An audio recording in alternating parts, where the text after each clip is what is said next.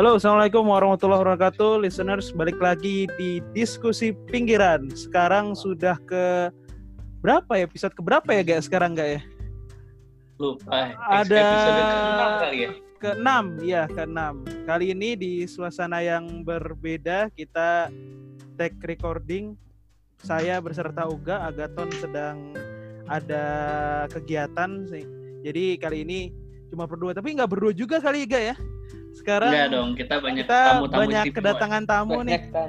Eh, banyak tamu ya, banyak tamu, teman-teman juga yang sekarang lagi sama-sama uh, work from home nih ya, work from home karena di tengah wabah yang mungkin membuat kita susah buat uh, keluar rumah begitu ya.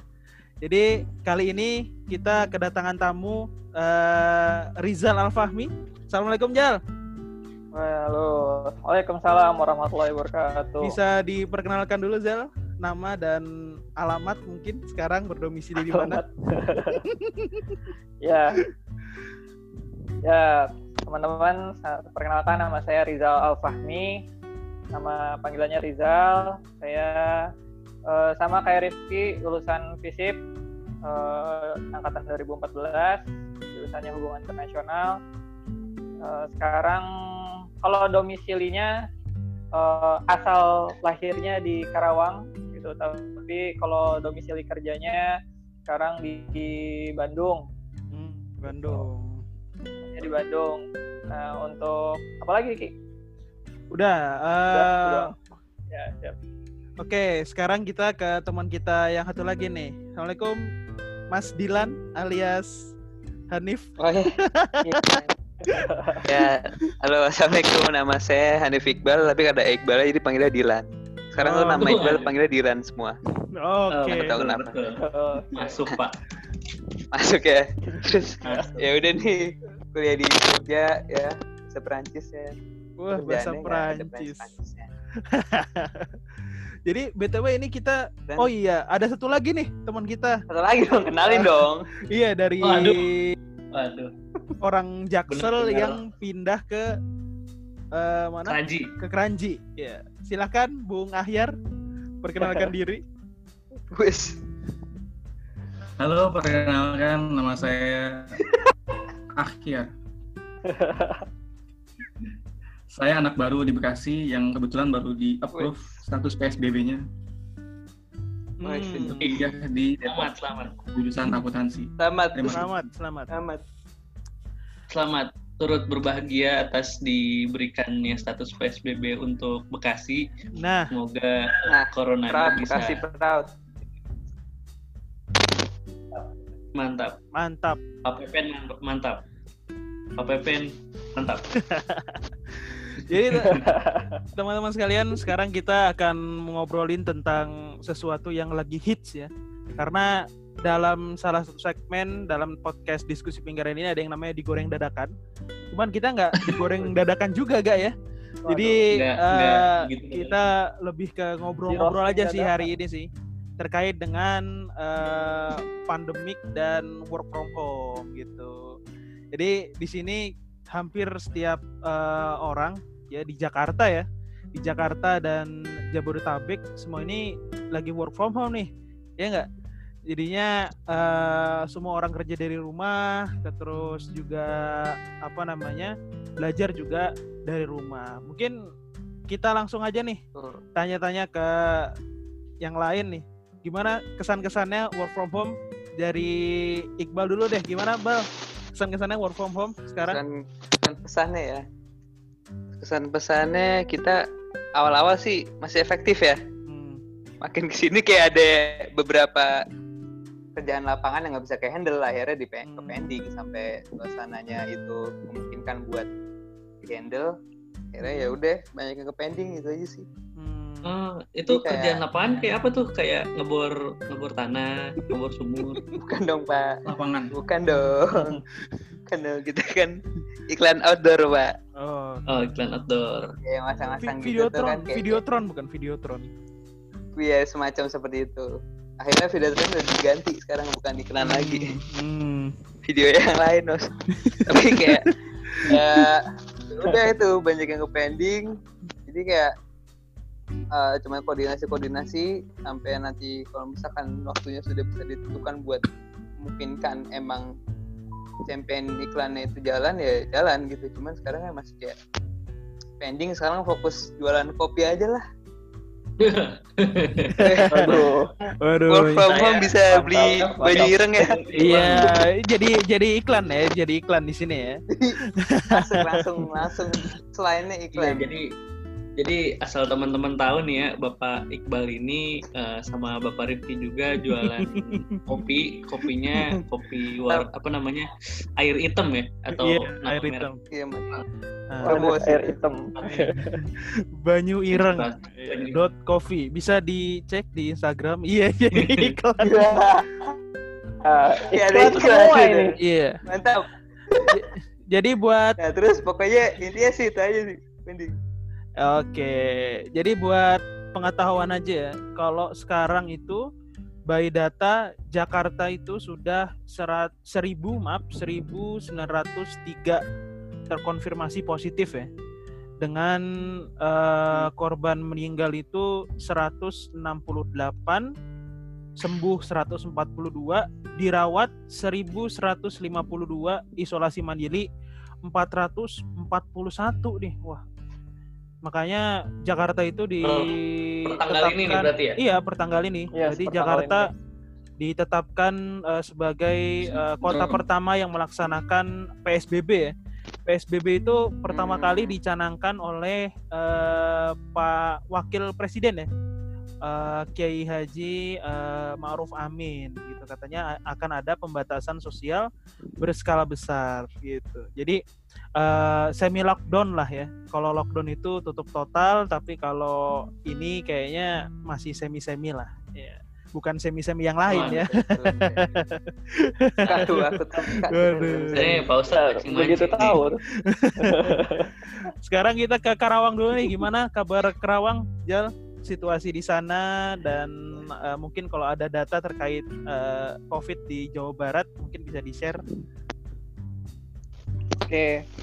Ya, bismillah. Jadi kalau Karawang sendiri eh, awal sebenarnya awalnya nggak nggak nggak begitu kerasa ya, nggak begitu kerasa kayak daerah-daerah lain gitu. Kalau soal corona gitu masih biasa-biasa aja kehidupannya. Tapi itu semua berubah ketika eh, bupatinya sendiri malah yang kena gitu. Jadi eh, ketika buat Bupati Karawang gitu ya, Ibu Selika itu uh, lagi ada acara gitu kalau nggak salah tuh pelep, apa namanya uh, pelep, pe- ini pe, himpunan pengusaha muda. iya jadi ada perhimpunan usaha muda di satu hotel di Karawang gitu ya berkumpul semua gitu terus itu sebenarnya belum belum heboh untuk yang kasus-kasus itu cuman sumbernya adalah uh, ya- ada indikasi besar dari sana gitu waktu ada pertemuan pengusaha-pengusaha muda di salah satu hotel gitu. Berarti penyebarannya dari situ Uh, ya. setelah hari itu acara uh, bersama dengan kepala desa uh, ada acara dengan kepala desa perkumpulan kepala desa se Karawang menyampaikan sambutan batuk-batuk sampai nggak bisa melanjutkan pidato. Nah di situ udah mulai uh, terekspos karena di sana juga ada kameranya gitu. Ada ada yang ada yang ada yang mantau lah ada jurnalis yang mantau. Akhirnya memeriksakan diri nggak taunya terkena gitu Hmm. COVID-19 gitu. Nah dari sana karena bupatinya sendiri akhirnya lumayan berdampak besar eh, ke kota Karawangnya sendiri. Jadi langsung apa ya langsung pembatasan-pembatasan itu diberlakukan sehingga jadi sepi gitu untuk di kota Karawangnya tapi untuk yang daerah-daerah desa sebenarnya masih masih apa ya masih normal gitu. Apa eh, kegiatan ekonomi masih berjalan gitu kan. Pasar masih ramai gitu. Tapi untuk di pusat kota pusat industri itu mulai diliburkan dan dikondisikan gitu untuk eh, lebih sepi. Kalau kondisi Jawa Barat yang lain ya, kalau kemarin Bandung tuh eh, sudah mulai emang ketika lockdown minggu pertama lockdown itu eh minggu pertama pengondisian daerah gitu ya agar eh, dipulangkan agar work from home itu udah mulai emang sepi jalan-jalan tuh emang sudah ditutup gitu jalan-jalan utama kayak jalan Dago, jalan Asia Afrika, jalan Merdeka itu ditutup. Mall-mall juga sudah diberlakukan penutupan gitu sehingga uh, sudah sepi gitu. Dan kalau daerah-daerah lainnya termasuk ini ya termasuk kayak Sumedang Hmm. dan di Jatinangor Wah, itu sudah ya. sangat sepi sekali karena ya Jatinangor tuh sepi sekali karena eh, karena sumber penghasilannya itu terpusat pada mahasiswa gitu ya Hmm. karena sumber penghasilannya dari mahasiswa gitu warung-warung di sana gitu jadinya karena mahasiswanya diliburkan akibatnya ya warung-warungnya pada tutup-tutup warung-warungnya pada tutup Hmm. jadi eh, kegiatan ekonominya juga eh, jarang lah ojek udah sepi Hmm. dan lain-lain gitu sudah pada dipulangkan semua ke Hmm. daerahnya masing-masing itu Berarti kalau kita lihat hampir sama ya. Jadi tiap kota itu mungkin eh, sudah mulai eh, memberlakukan eh, city quarantine ya atau karantina wilayah gitu kan. Karena kemarin sempat rada clash ya. Iya. Kita lihat sempat rada clash nih antara eh, pemerintah daerah dan pemerintah pusat gitu kan sampai dari pemerintah daerah sudah memberikan eh, apa namanya surat eh, apa namanya ajuan dan kemudian di pemerintah pusat masih ada birokrasi yang rada sedikit berbelit-belit gitu kan. Nah kalau dari Bung Ahyar sendiri gimana Bung? Selama work from home ada yang bisa di-sharekan kepada teman-teman semua pendengar nih? Hmm, Alhamdulillah so far so good sih. Waduh. Karena juga Oh, kan perusahaan kerja tempat di bidang konsultan accounting kan, jadi Iya. nggak be- nggak perlu perlu banget hard cover apa hard copy itulah dokumennya, jadi masih bisa dikerjain di- dikerjain dengan cara remote gitu dari jarak jauh. Paling kendala hanya ini sih apa jaringan internet karena di rumah kan belum ada wifi jadi mau nggak mau Iya. tethering HP terus Oh, lumayan iya. expensive. Iya, berarti work from home ini ada kelebihannya dan juga ada juga kekurangannya. Bahkan kemarin sempat gue baca berita sih eh, apa namanya salah satu mahasiswa UGM ya, dia itu perlu eh, berjalan atau menggunakan kendaraan eh, puluhan kilo untuk dapat sinyal gitu karena memang desa yang tempat dia tinggal itu dia itu nggak punya apa jarang sekali ada sinyal yang nyampe ke sana gitu. Kalau gitu kalau- ingat-ingat zaman-zaman kita KKN ya kayaknya. Apa tempat gua doang kayak iya. yang yang di gunung. Oh, jauh KKN gue juga gak ada gak ada sinyal kok sama. Iya, makanya dulu pas mau dapat sinyal mesti rada jalan dulu baru dapat sinyal tuh. Kalau enggak ya udah nggak ada sinyal sama sekali padahal dulu pakai Telkomsel kan. Wah, pakai Telkomsel juga sama aja nggak ada sinyal. Kalau di. Cirebon gimana gak? Mantap endorse. Ya, maaf. Oh iya, maaf. Gak apa-apa. ya, kalau di Cirebon sendiri sih, kalau di Cirebon hmm, karena saya baru baru pulang dari Jakarta ya. 14 hari yang lalu, eh 13 hari yang lalu, berarti besok hari ke-14. Jadi setelah dari Jakarta itu belum keluar rumah sama sekali, nih. keluar pagar juga belum pernah. Eh, tapi kalau misalkan ya, jadi kalau misalkan kagetnya mantap ya. Jadi kalau misalkan Kamu matahari langsung kebakar itu gak? Iya, tapi kalau misalkan untuk eh, kabarnya sendiri sih kalau di Cirebon melihat kalau ngelihat statistik ya eh, kayaknya cukup ini ya cukup apa namanya eh, untuk eh, orang yang terpositif COVID sendiri ada satu dan itu udah meninggal baru sore ini kabarnya meninggal. Eh, yang PDP itu ada dua, yang selesai PDP tiga berarti ada lima orang. Terus eh, kalau untuk eh, yang ODP-nya ada 63 yang selesai 226 berarti ada 289 kalau di itu di kota kalau di kabupaten belum da, belum dapet ininya sih belum dapet apa namanya belum dapet infonya lagi kalau di kabupaten kayak gitu sih kalau di Cirebon Eh, kalau aktivitas sih kayaknya eh, sama ya kayak di daerah lain diliburin semua Hmm. Eh, paling kegiatan lain-lain masih masih jalan aja sih Hmm. Jadi memang hampir eh, sama semua ya kita ya. Masih Iya. eh, pembatasan eh, sosial. Nah, ini kan Iya, ini kita nih multidisiplin banget ya. Gua di sosiologi, ada teman gue nih di anak media gitu kan. juga ada yang dari ekonomi dan dari HI nih, uh, dua orang dari HI ya. Dua orang dari HI luar biasa nih. Biasanya kalau Harapan indah. Iya, itu di Bekasi. Iya. Jadi, harapan indah. Kalau misalkan dari pendapatnya teman-teman sendiri nih terkait dengan eh, COVID menurut eh, pengetahuan lah atau disiplin ilmu yang eh, teman-teman ke- geluti lah. Ini eh, kayak gimana sih sebetulnya pandemik yang sekarang ini? Kalau misalkan dari eh, anak HI dulu deh, nih Uga atau Rijal, silahkan eh, dijawab siapa nih? Mangga, udah dulu deh. Nambahin Iya. deh. Iya boleh Uga. boleh. Iya jadi kalau misalkan dari HI sendiri sih se- sejauh pengetahuan saya jadi eh, ketika adanya pan eh namanya yang namanya pandemi itu tidak ini ya eh, jadi tidak melihat batas negara yang pasti jadi udah udah nggak relevan lagi nih yang namanya eh, batas ne- negara.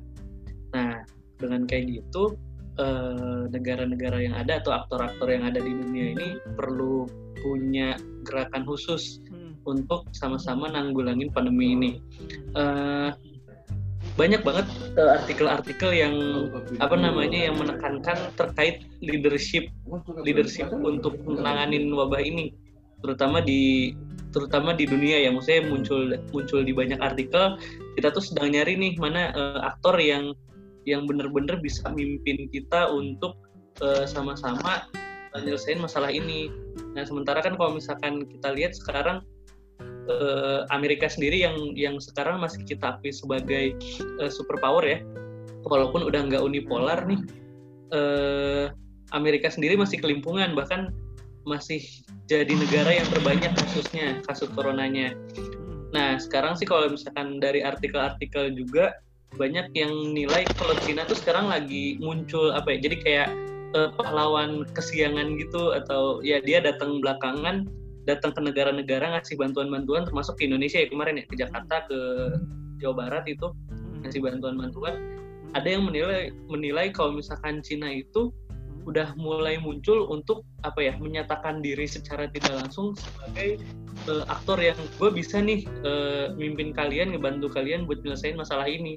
Nah kayak gitu sih. Jadi kalau misalnya dari dari saya sendiri yang di highlight itu pertama eh, pandemi ini tidak mengenal batas negara. Yang kedua karena tidak mengenal batas negara eh, aktor-aktor internasional ini butuh satu satu aktor yang bisa mimpin untuk bisa nyelesain masalah ini. Kayak gitu sih. Mangga Bapak Rizal bisa ditambah. Di mute-nya dulu nih. oh iya. Nah, ya, ya. Jadi eh saya nambahin dari mana ya? Nambahin itu ya. Kalau misalnya benar kata Uga, karena karena pandemi ini tidak mengenal batas negara, alhasil ini menjadi isu global yang di mana eh, bisa menjadi bahan kajian dari studi HI sendiri, gitu. Karena bisa menyebar ke mana-mana kalau Uga tadi mungkin eh, lihat dari perspektif ini ya perspek- perspektif superpower negara berdasarkan pandemik ini gitu ya kalau saya mungkin bis- melihat dari perspektif eh, environmentalisnya kali ya Hmm. gitu karena di HI juga belajar mengenai envir- environmentalism Hmm. jadi memang eh, dalam cakupan eh, lingkungan itu pandemik seperti ini itu sudah sering banget terjadi gitu ya. Bahkan ada istilah eh, pandemik itu berulang setiap 100 tahun sekali meskipun penyakitnya berbeda-beda gitu. Dari mulai yang kita terken yang kita kenal zaman dulu tuh ada yang dinamakan Black Death gitu ya di Eropa. Itu juga sebenarnya ditelusuri eh, sumbernya juga dari eh, Cina juga sebenarnya dari daratan Asia. Lalu juga eh, ada juga eh, di Perang Dunia ke-1 itu juga ada wabah yang menyerang. Nah, itu eh, kasus-kasus pandemik itu ternyata sudah sudah ada dari sejak zaman dahulu dan eh, itu merupakan sejarah yang berulang-ulang gitu selama ini. Nah, dari dari oh ya mangga mangga. Oke. Ini mau ditutup sekarang atau gimana Ki? Udah nanti aja lanjut dulu, lanjut dulu, lanjut dulu. Oke, ya. Karena karena merupakan sejarah yang berulang, Hmm. kita bisa melihat pola-polanya Hmm. gitu di sini. Hmm. Bahwa sebenarnya yang mendukung adanya penyebaran pandemik itu adalah eh, globalisasi sendiri. Hmm. Gitu. Jadi sebenarnya kalau kita analisis dari Black Death, gitu ya, dari pandemi zaman dahulu gitu, Black Death juga dibawa dari daratan Cina menuju Eropa itu karena perdagangan. Jadinya Hmm, adanya hmm, arus uh, manusia yang mengalir uh, dari masing dari berbagai daerah. Hmm. Dan juga ketika ada wabah uh, wabah Spanyol ataupun wabah uh, ketika Perang Dunia Satu, Hmm. kenapa ada perang di Perang Dunia Satu ada wabah Hmm. yang bisa menyebar ke berbagai macam negara karena perang itu sendiri Oh. gitu. Jadi adanya uh, hubungan dan juga adanya uh, ini ya arus arus manusia yang ke berbanyak uh, ke berbagai banyak daerah akibatnya menyebabkan penyebaran pandemik itu sendiri. Hmm. Seperti itu. Nah, yang kita bisa pelajari sebenarnya dari sini adalah uh, pandemik ini dari sisi negatifnya adalah uh, memperlihatkan uh, bahwa manusia masih belum saja siap gitu menghadapi uh, penyakit pandemik gitu. Padahal akhir-akhir ini sudah sebenarnya udah sudah mulai diperingati corona jenis coronavirus yang lain-lainnya seperti Hmm. MERS di Iya, uh, Middle eh, di Middle East dan juga SARS MERS, gitu ya SARS ya. gitu tapi eh, ma- iya jadi masih belum banyak negara yang ready gitu ada juga eh, Korea Selatan kenapa bisa percepatannya bisa bisa menurun gitu ya dalam Hmm. hal eh, apa menekan angka korban karena dia sudah belajar eh, dua tahun sebelumnya dari MERS jadi MERS itu pernah em, yang pernah jadi isu isu besar lah di Korea Selatan beberapa Hmm. tahun belakangan akhirnya Hmm. mereka sudah agak siap gitu menghadapi Hmm. pandemik seperti itu. Jadi sebenarnya eh, sangat disayangkan oleh eh, untuk beberapa negara ya, yang apalagi superpower seperti Amerika yang masih eh, tidak concern terhadap isu-isu lingkungan apalagi isu-isu kesehatan macam ini gitu apalagi menyayangkan apa eh, tindakan dan juga sikap dari Donald Trump ya yang akhirnya akhir kemarin-kemarin malah menyalahkan WHO katanya belum belum apa WHO tidak memberikan peringatan padahal peringatan sudah dikasih Oh yes. Berarti banyak banget ya pelajaran yang bisa kita ambil dari corona ini dari berperspektif. Mungkin teman-teman masih penasaran tentang eh, perspektif-perspektif lainnya dari teman-teman kita. Nantikan terus di diskusi pinggiran di segmen yang mendatang. Wassalamualaikum warahmatullahi wabarakatuh. Wah,